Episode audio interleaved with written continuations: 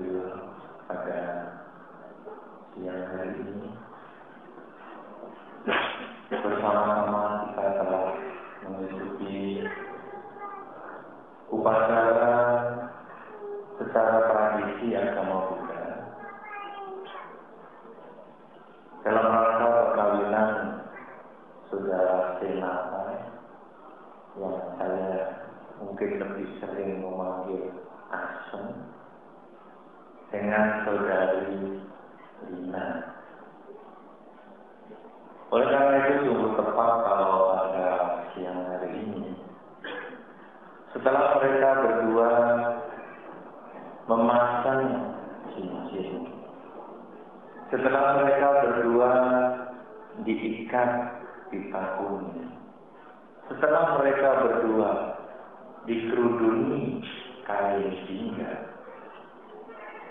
maka sungguh tepat kalau pada kesempatan ini saya mengucapkan selamat kepada saudara Hasan dan saudari Lina yang pada pagi hari ini Anda berdua telah resmi sebagai pasangan suami istri. Semoga perkawinan ini akan menjadi awal kebahagiaan Anda berdua bukan hanya dalam waktu yang singkat, tapi untuk waktu yang panjang. Saudara, perkawinan di Indonesia ini memang agak berbeda daripada di tempat-tempat. Dan perkawinan di Indonesia pada masa ini juga berbeda dengan perkawinan pada waktu yang lampau.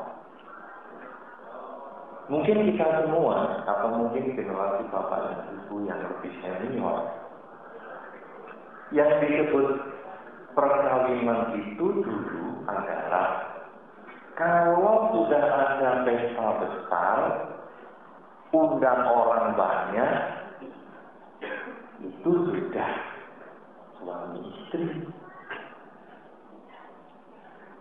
Tetapi setelah memasuki beberapa peraturan pemerintah yang baru, maka perkawinan yang hanya mengundang orang itu, kalau nanti punya anak, maka anaknya ditulis anak dari ibu. Bapak ibu ngalami begitu? Pernah ya? Itu karena orang tuanya dulu kawin hanya upacara besar-besar. Nah, kalau mau anak dari bapak dan ibu A, maka itu pasangan yang tadi upacara besar-besaran itu harus dicatatkan di kantor catatan sipil. Tetapi yang baru lagi, kira-kira ya sudah lima tujuh tahun terakhir ini, perkawinan di catatan sipil itu sekarang tidak bisa dikerjakan begitu saja. Karena sekarang membutuhkan perkawinan agama. Jadi sebetulnya perkawinan agama yang dicatat pemerintah, di sipil, dipestakan secara tradisi, itu baru boleh. Nah, hari ini sebetulnya saudara Asem dan saudari Lina telah ada pemberkahan agama, berarti sebetulnya dia sudah suami istri. Apalagi nanti saya dengar setelah ada catatan sipil, itu resmi secara legal formal. Sehingga walaupun nggak pakai pesta, sebetulnya itu sudah suami istri. Kalaupun pakai pesta, tapi Lina bentuknya sudah berubah. Ya tidak apa-apa, memang sudah suami istri loh. Tapi kadang-kadang orang tua kan malu. Anak saya sudah berubah, bentuknya masa masih tetap dipestakan. Harus dijawab, lah ini sudah jadi suami istri beberapa bulan yang lalu. Jadi kalau sekarang bentuknya sudah berubah, normal.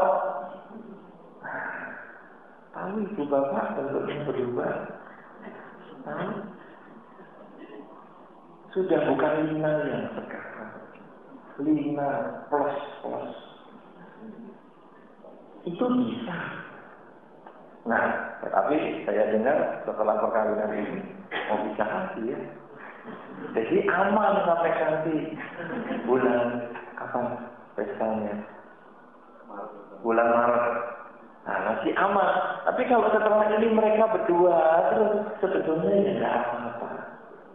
Nah, kenapa? Karena perkawinan hari ini adalah yang sesungguhnya perkawinan yang diakui oleh pemerintah, perkawinan agama. Nah, saudara, perkawinan agama bukan hanya sekedar ya upacara tradisi selesai ubah bukan. Tetapi apa yang dimaksud dengan perkawinan agama?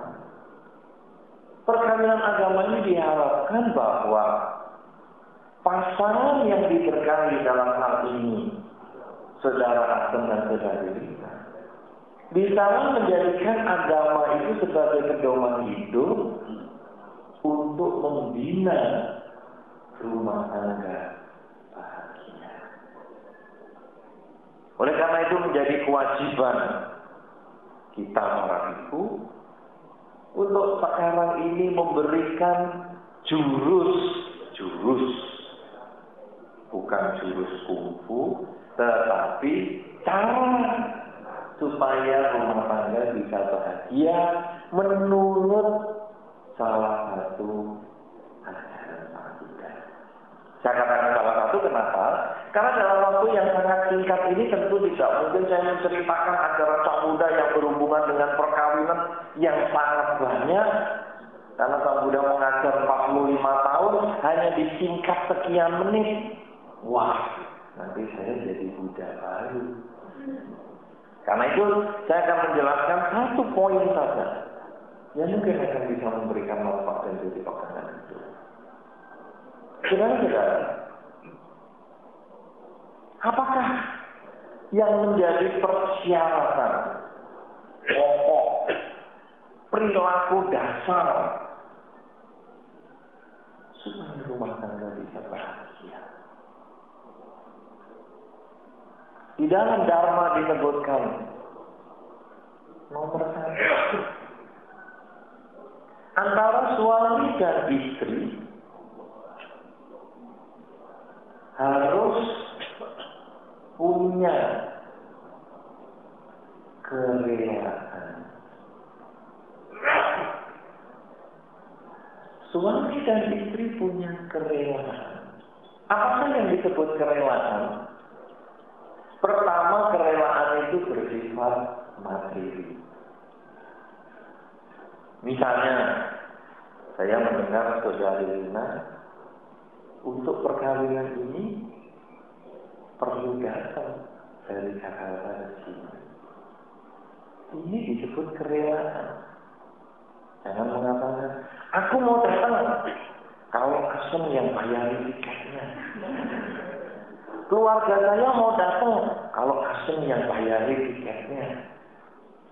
Kalau dasarnya itu sudah demikian, hal ini bisa jadi masalah. Kenapa begitu? Karena yang pertama adalah kerelaan. Nah, kerelaan yang paling awal kerelaan materi. Kerelaan materi yang tadi sudah dibuktikan selain tiket ke sini, cincin. Cincin beli sendiri-sendiri apa apa salah satu yang belikan? Para urunan. Aku yang sekian gram aku bayar segini aja. Cincinku lebih gede, waktu aku bayar lebih gede. Jadi tadi agak sesek sih mungkin. Kita ya. Krismon. Ya. Tadi saya lihat kok masuknya susah kenapa? Namanya jalan semalam itu menjadi besar. Nah, saudara-saudara, kerelaan itu ditunjukkan dengan nih hari ini kamu saya kasih cincin. Nah, pulang masuk. Tapi ingat, itu hanya lambang. Cincin itu hanya lambang. Kenapa demikian?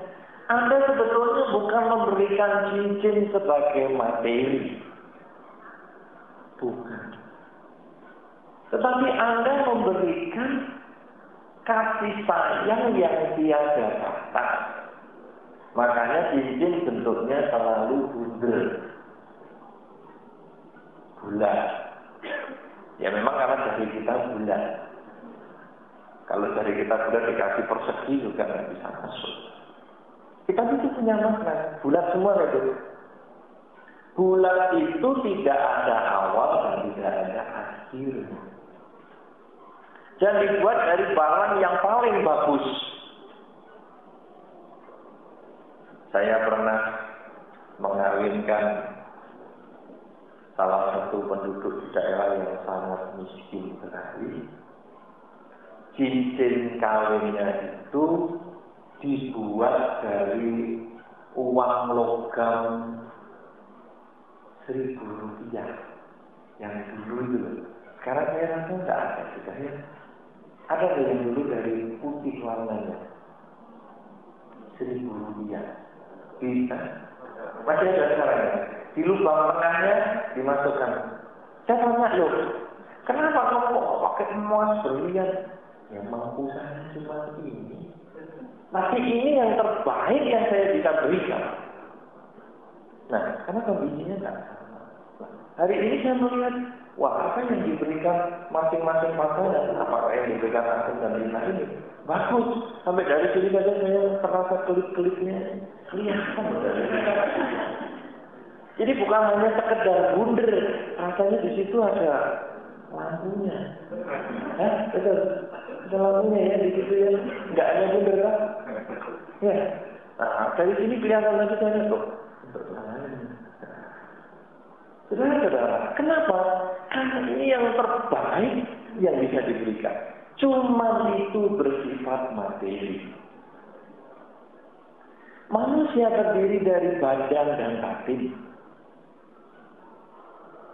Pasangan hidup harus saling memberikan kebutuhan badan. Itu sebagai nomor satu. Punya uang, kasih uang. Bisa belikan pakaian, kasih pakaian. Bisa belikan perhiasan, kasih perhiasan. Bisa belikan kartu ulang tahun, kasih kartu ulang tahun. Itu kebutuhan badan. Sebaliknya kalau konsep istri yang masih tradisional, saya katakan tradisional karena ada beberapa istri yang tidak melakukan begini, merawat suaminya, suaminya senang makanan apa ya? Nah, saya buatkan. Bisa makan nggak Lila? Nah, kalau ini ini juga nggak bisa. Sudah ketahuan. Maka saya tadi katakan konsep tradisional. Karena zaman sekarang, wanita sekarang ini masuk perkawinan kadang bikin super nggak bisa. Saya melihat sendiri juga Bikin super nggak bisa, bikin nasi nggak bisa. Gini mau punya suami. Katanya ya suami saya biar membantu yang masaknya nanti. Wah, suami sulit membedakan antara istri dan bapak. Apalagi roknya yang dikasih kalau yang dikasih suami dikasihkan pembantu. Di dapur dipikir kayak ini istri. Ya paling tidak, istri itu harus punya modal. Bisa masakkan apa yang paling disenangi sama suami. Pur. Bisa? Nasi goreng. Nasi goreng hangus. Gampang. Nah, saudara-saudara, ini sebetulnya kebutuhan badan. Jadi kita memperhatikan kebutuhan badannya apa. Oh bajunya kok ini sobek, MBLK, atau ini kok kelihatan capek dipijetin. Itu kebutuhan badan. Tapi ingat, kerelaan yang lebih besar, kerelaan yang lebih baik, kerelaan yang nilainya lebih tinggi, bukan hanya badan, tetapi batin. Karena manusia terdiri dari badan dan batin, maka kebutuhan badan dipenuhi, kebutuhan batin harus dipenuhi. Apakah kebutuhan batin? Perhatian. Ini sangat sulit. Sangat sulit. Kenapa demikian? Suami istri itu biasanya memang happy-nya bulan-bulan pertama. Sehingga namanya ada bulan madu. Tetapi hari-hari bulan-bulan berikutnya, kadang-kadang suami dan istri itu hanya teman hidup seperti teman dalam satu rumah, seperti atapnya sama, kita sendiri-sendiri lah. Sehingga kalau yang satu mau ngomong, aku ada problem, sudah gede, bisa menyelesaikan sendiri. Jangan ngerepotin. Aku punya pasangan hidup untuk membantu supaya aku tidak sulit. Jangan aku punya pasangan hidup malah kamu persulit. Jadi urusanmu, urusanmu, urusanku, urusanmu juga. Pasangan yang begini sulit untuk menjadi maju. Kenapa? Kemauan memperhatikan batin tidak ada. Nah, apa sih keperhatian batin? Saya yakin saudara Asep dan saudara Lina dengan pasaran jarak jauh biaya tinggi kan main telepon. Ini benar. Nah, itu yang saya sebut biaya tinggi. Jadi satu kata cinta itu bayar pulsa.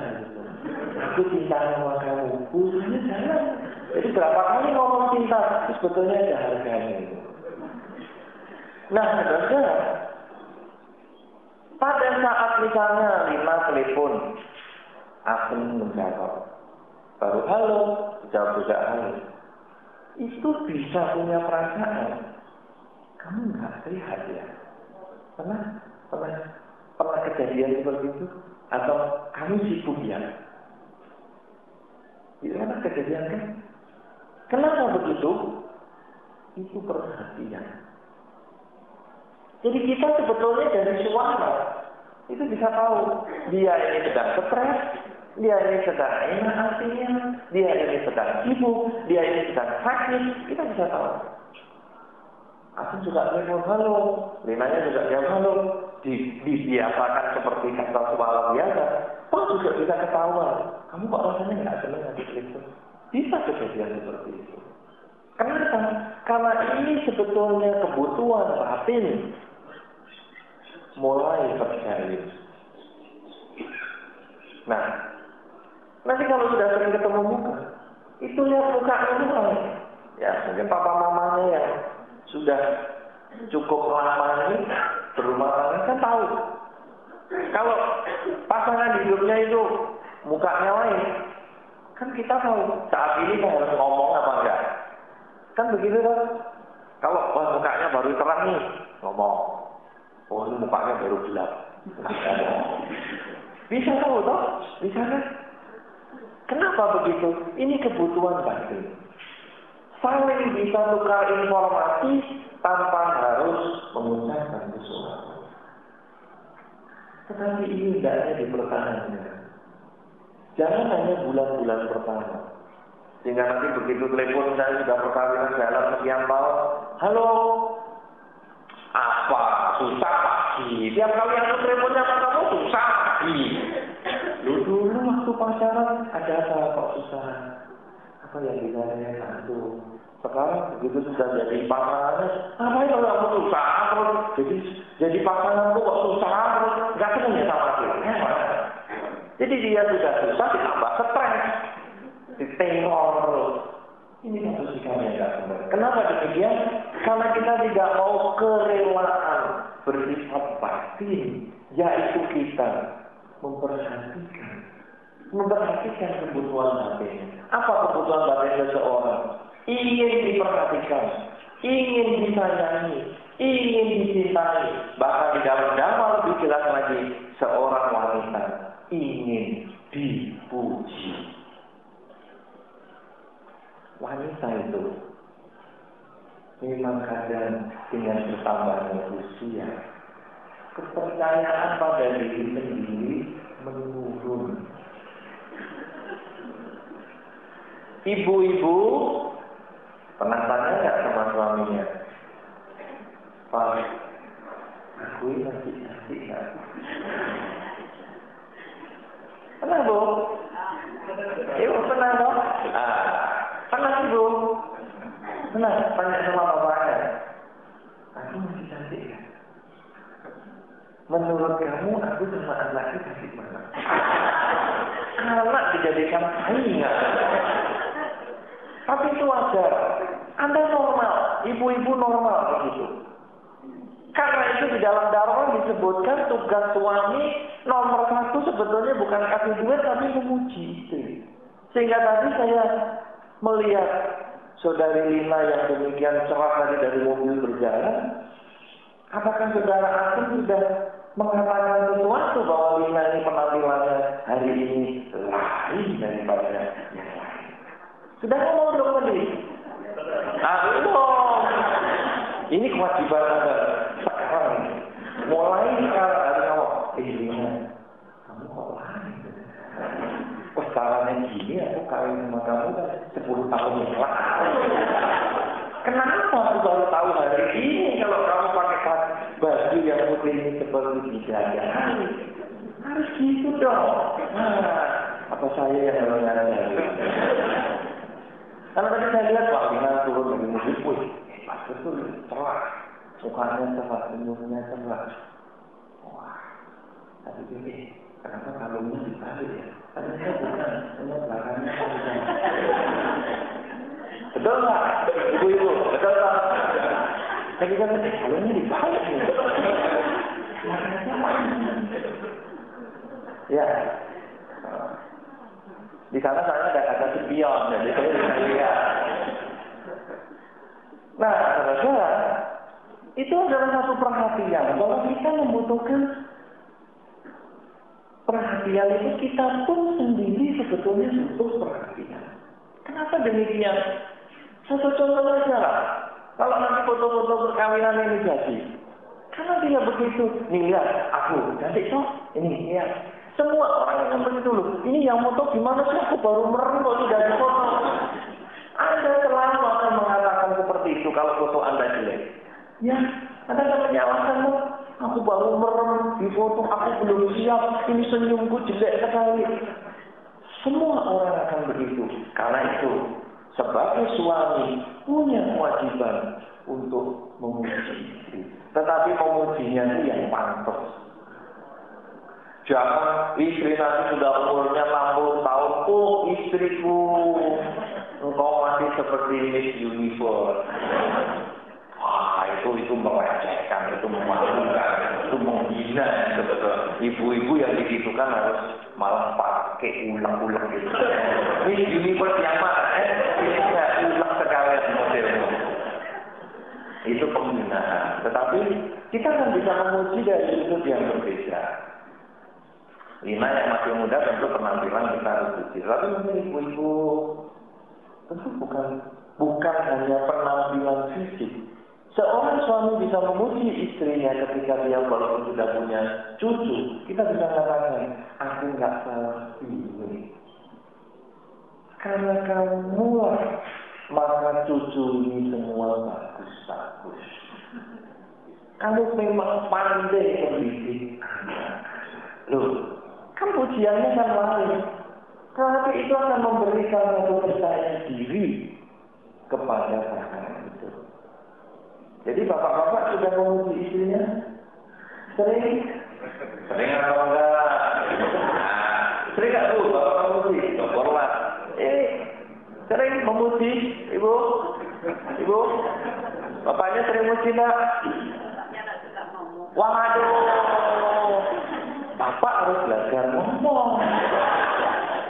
A, B, C, satu, dua, tiga, dua, enggak gitu Pak. Harus belajar ngomong. Kenapa demikian? Karena seorang wanita walaupun tahu Anda perilakunya mencintai dia, tapi butuh diomongi. Betul nggak Bu? Wah, itu si ibu manggut-manggut. Jadi sudah berapa tahun ibu itu memikir, ih bapak ini kapan mau ngomong cinta aku? Kapan bapak ini ngomong aku ini cantik? Itu penting, sungguh, sungguh-sungguh itu penting. Kenapa? Karena itu makanan batin. Seseorang bukan hanya butuh makan nasi, tetapi seseorang butuh makanan batin, butuh perhatian. Dan itulah yang disebut kerelaan. Ibu-ibu yang belum pernah dipuji Bapak, Anda punya hak untuk mengatakan puji dong, puji Masa aku tampilannya cantik begini nggak dipuji? Eh Bapak-bapak yang belum pernah memuji istri, ini sebetulnya kesempatan Anda mulai terbuka pikiran bahwa istri Anda butuh Anda hargai dengan kata-kata. Nah, itu kerelaan. Jurus yang pertama nanti kalau sudah digunakan, uh, rumah tangga sudah happy kan. Apalagi saya keluarkan jurus lain yang kedua. Apakah jurus yang kedua? Rumah tangga bisa bahagia bukan hanya karena kerelaan perhatian itu saja, tetapi adalah pandai mengungkapkan apa yang kita pikirkan dengan kata-kata yang lembut. Ini sering terjadi di dalam masyarakat. Suami istri yang sudah lama karena dianggapnya sudah saling tahu. Begitu ada sedikit yang nggak beres, gampang meledak.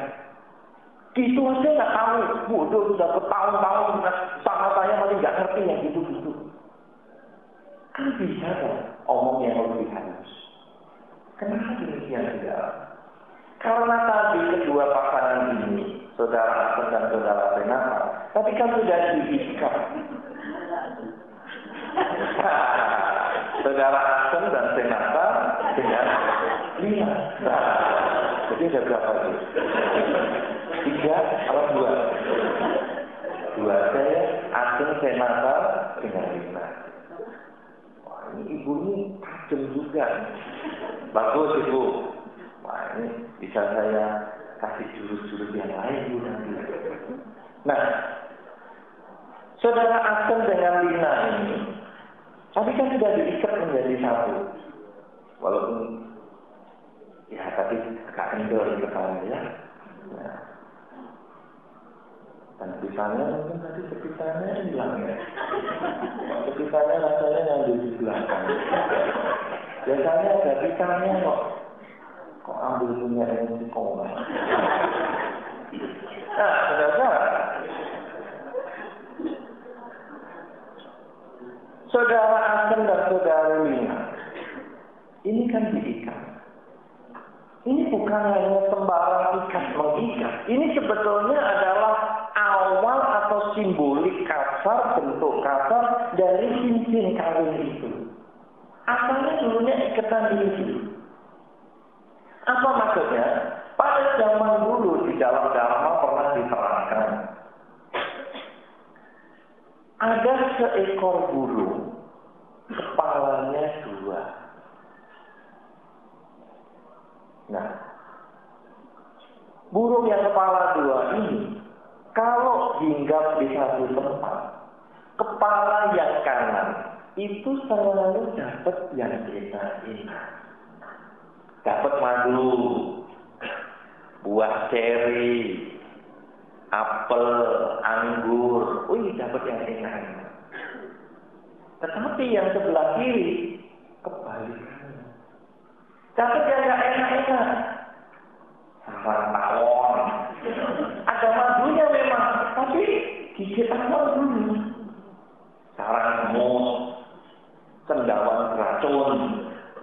Pokoknya barang-barang yang enak kayak sehingga akhirnya si kepala sebelah kiri ini iri hati dengan kepala sebelah kanan.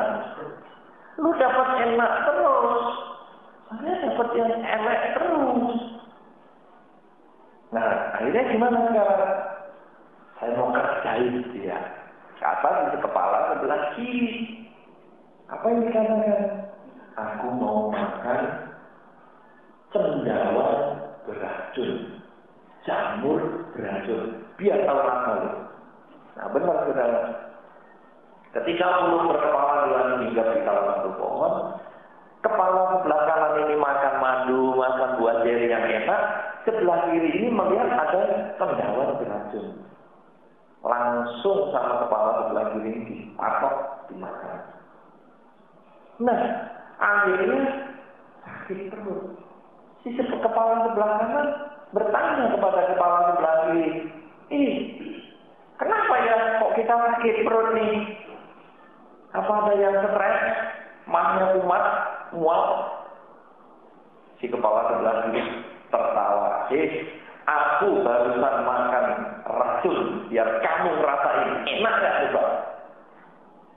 Apa kata si kepala sebelah kanan? Lu, kamu kok gimana?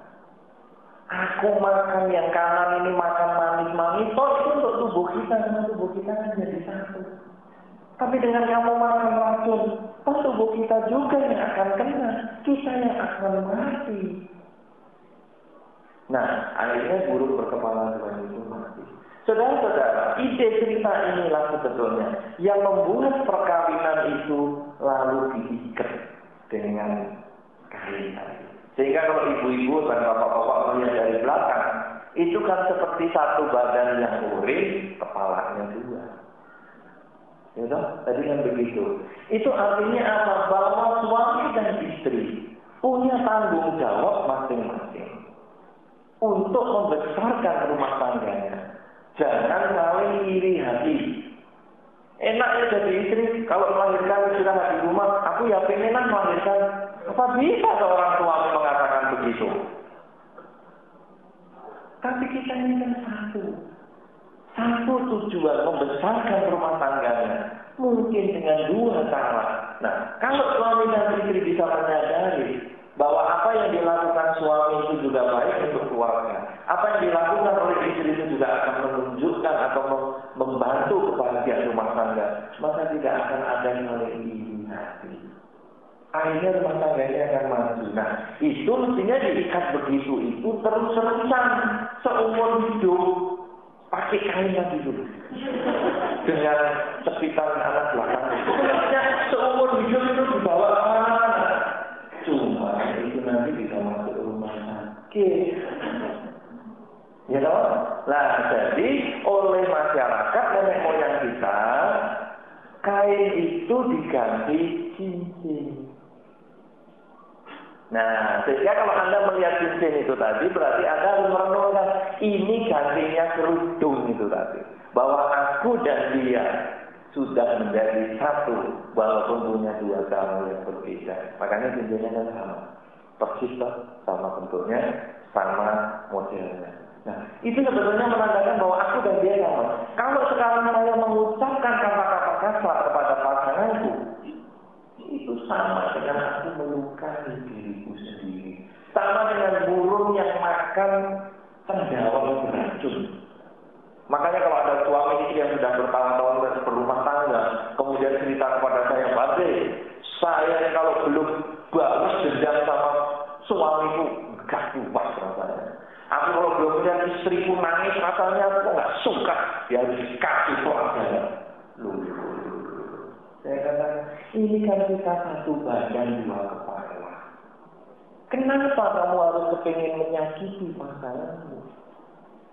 Ibaratnya kalau seseorang mencintai bunga, hari ini nggak bawain bunga. Itu bunga itu sebetulnya banyak ya oke saya kasih tunjuk ya plastik. Bunga itu kalau kita sayang, kita cinta, ini suka pada pohon bunga. Nah, kalau cinta dan sayang pada pohon bunga kan disirami luka sedikit saja, aduh luka ini patah sedikit, aduh yang patah bunganya yang aduh-aduh kita. Kenapa demikian? Karena kita merasa ada kesatuan dengan barang yang kita cintai, yang kita sayangi. Nah, pasangan hidup itu juga sama. Sama dengan bunga itu. Kita butuh merawat dia. Kita butuh menyayangi dia. Sehingga lukanya dia, itu luka bagi kita. Susahnya dia, susah bagi kita. Sehingga jangan sampai kalau orang lain menyusahkan pun kita nggak rela, kenapa kata kita merelakan dia untuk sakit hati? Karena. Oleh karena itu di dalam dakwah diajarkan kita harus punya kata-kata yang baik. Kenapa? Dengan kata-kata yang baik, rumah tangga itu akan berjalan dengan baik. Mungkin satu ketika saya rambutnya kepanjangan, mungkin lima nggak suka. Salah jangan ngomong, eh cukur tuh rambutnya jelek, nggak punya duit nih, tak kasih uang. Bukan. Itu yang Mungkin Lina bisa menggunakan kata-kata yang lain. Aku itu kalau jalan, kadang-kadang orang di belakang bingung. Kenapa? Dikira aku nonton kuda. Jadi, oh, misalnya begitu, misalnya nggak suka ini ide itu.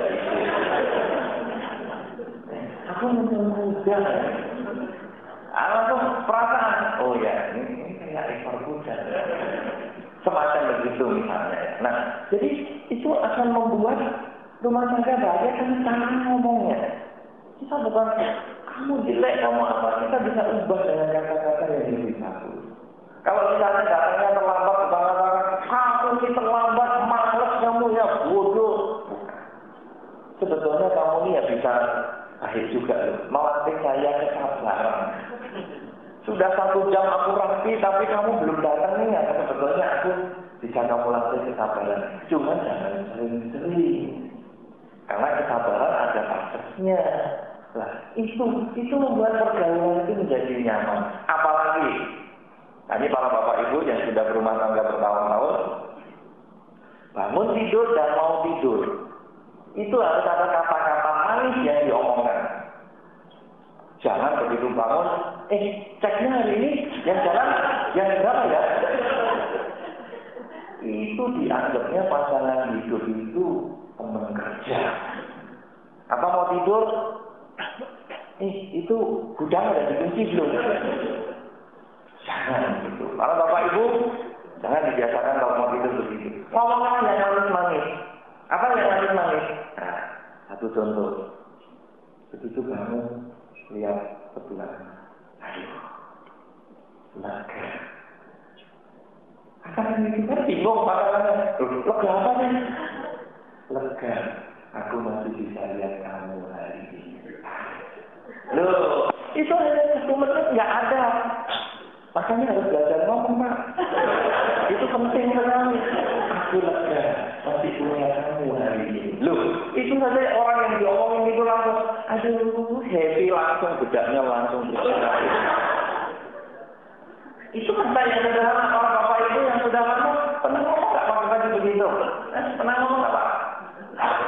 Jangan lagi lu muka kok jelek ya?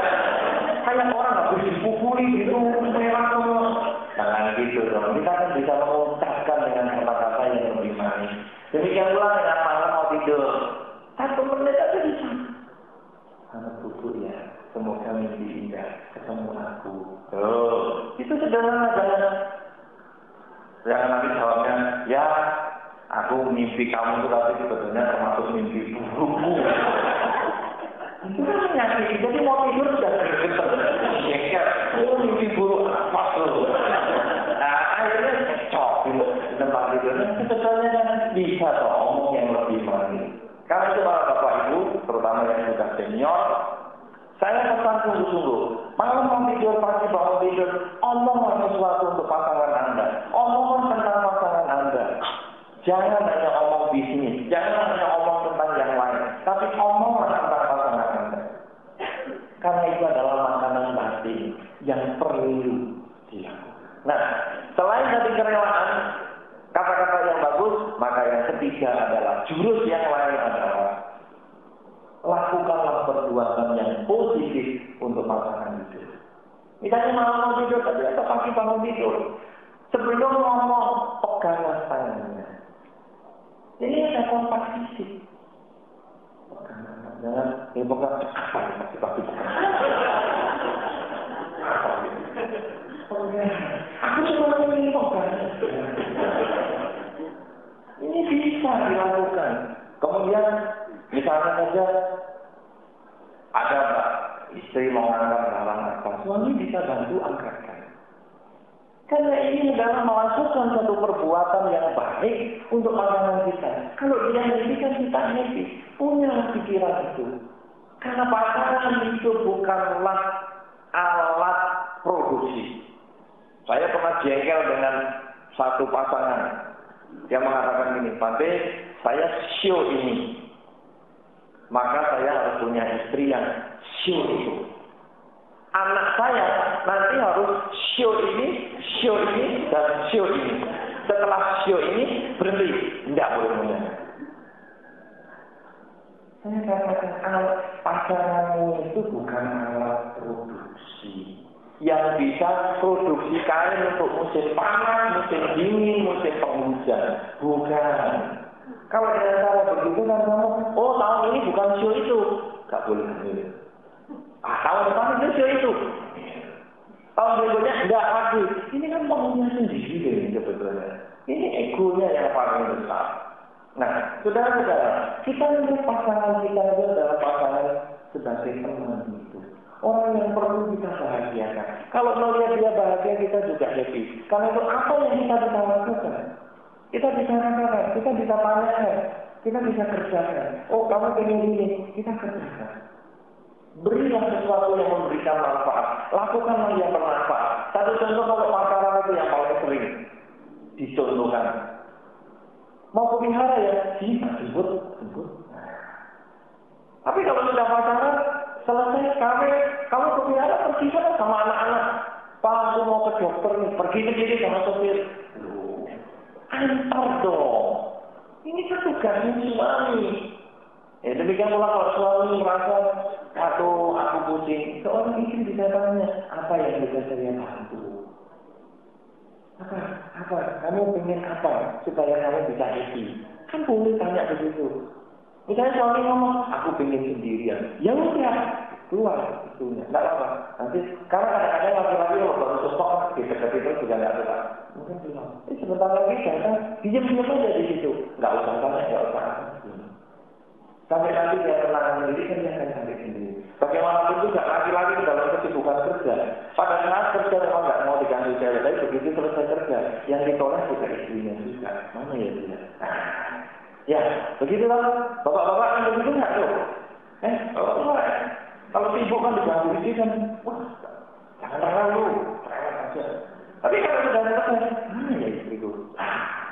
Itu saudara, karena itu istri yang baik, kalau sudah dikatakan, ya aku pengen sendirian. Nyingkir aja. Tapi nanti masuk, diam-diam di situ apa ada orang yang apa nggak usah ngomong apa-apa. Itu sudah satu perilaku yang positif untuk pasangan kita. Jadi saling mendukung dan itu rumah tangga yang bahagia.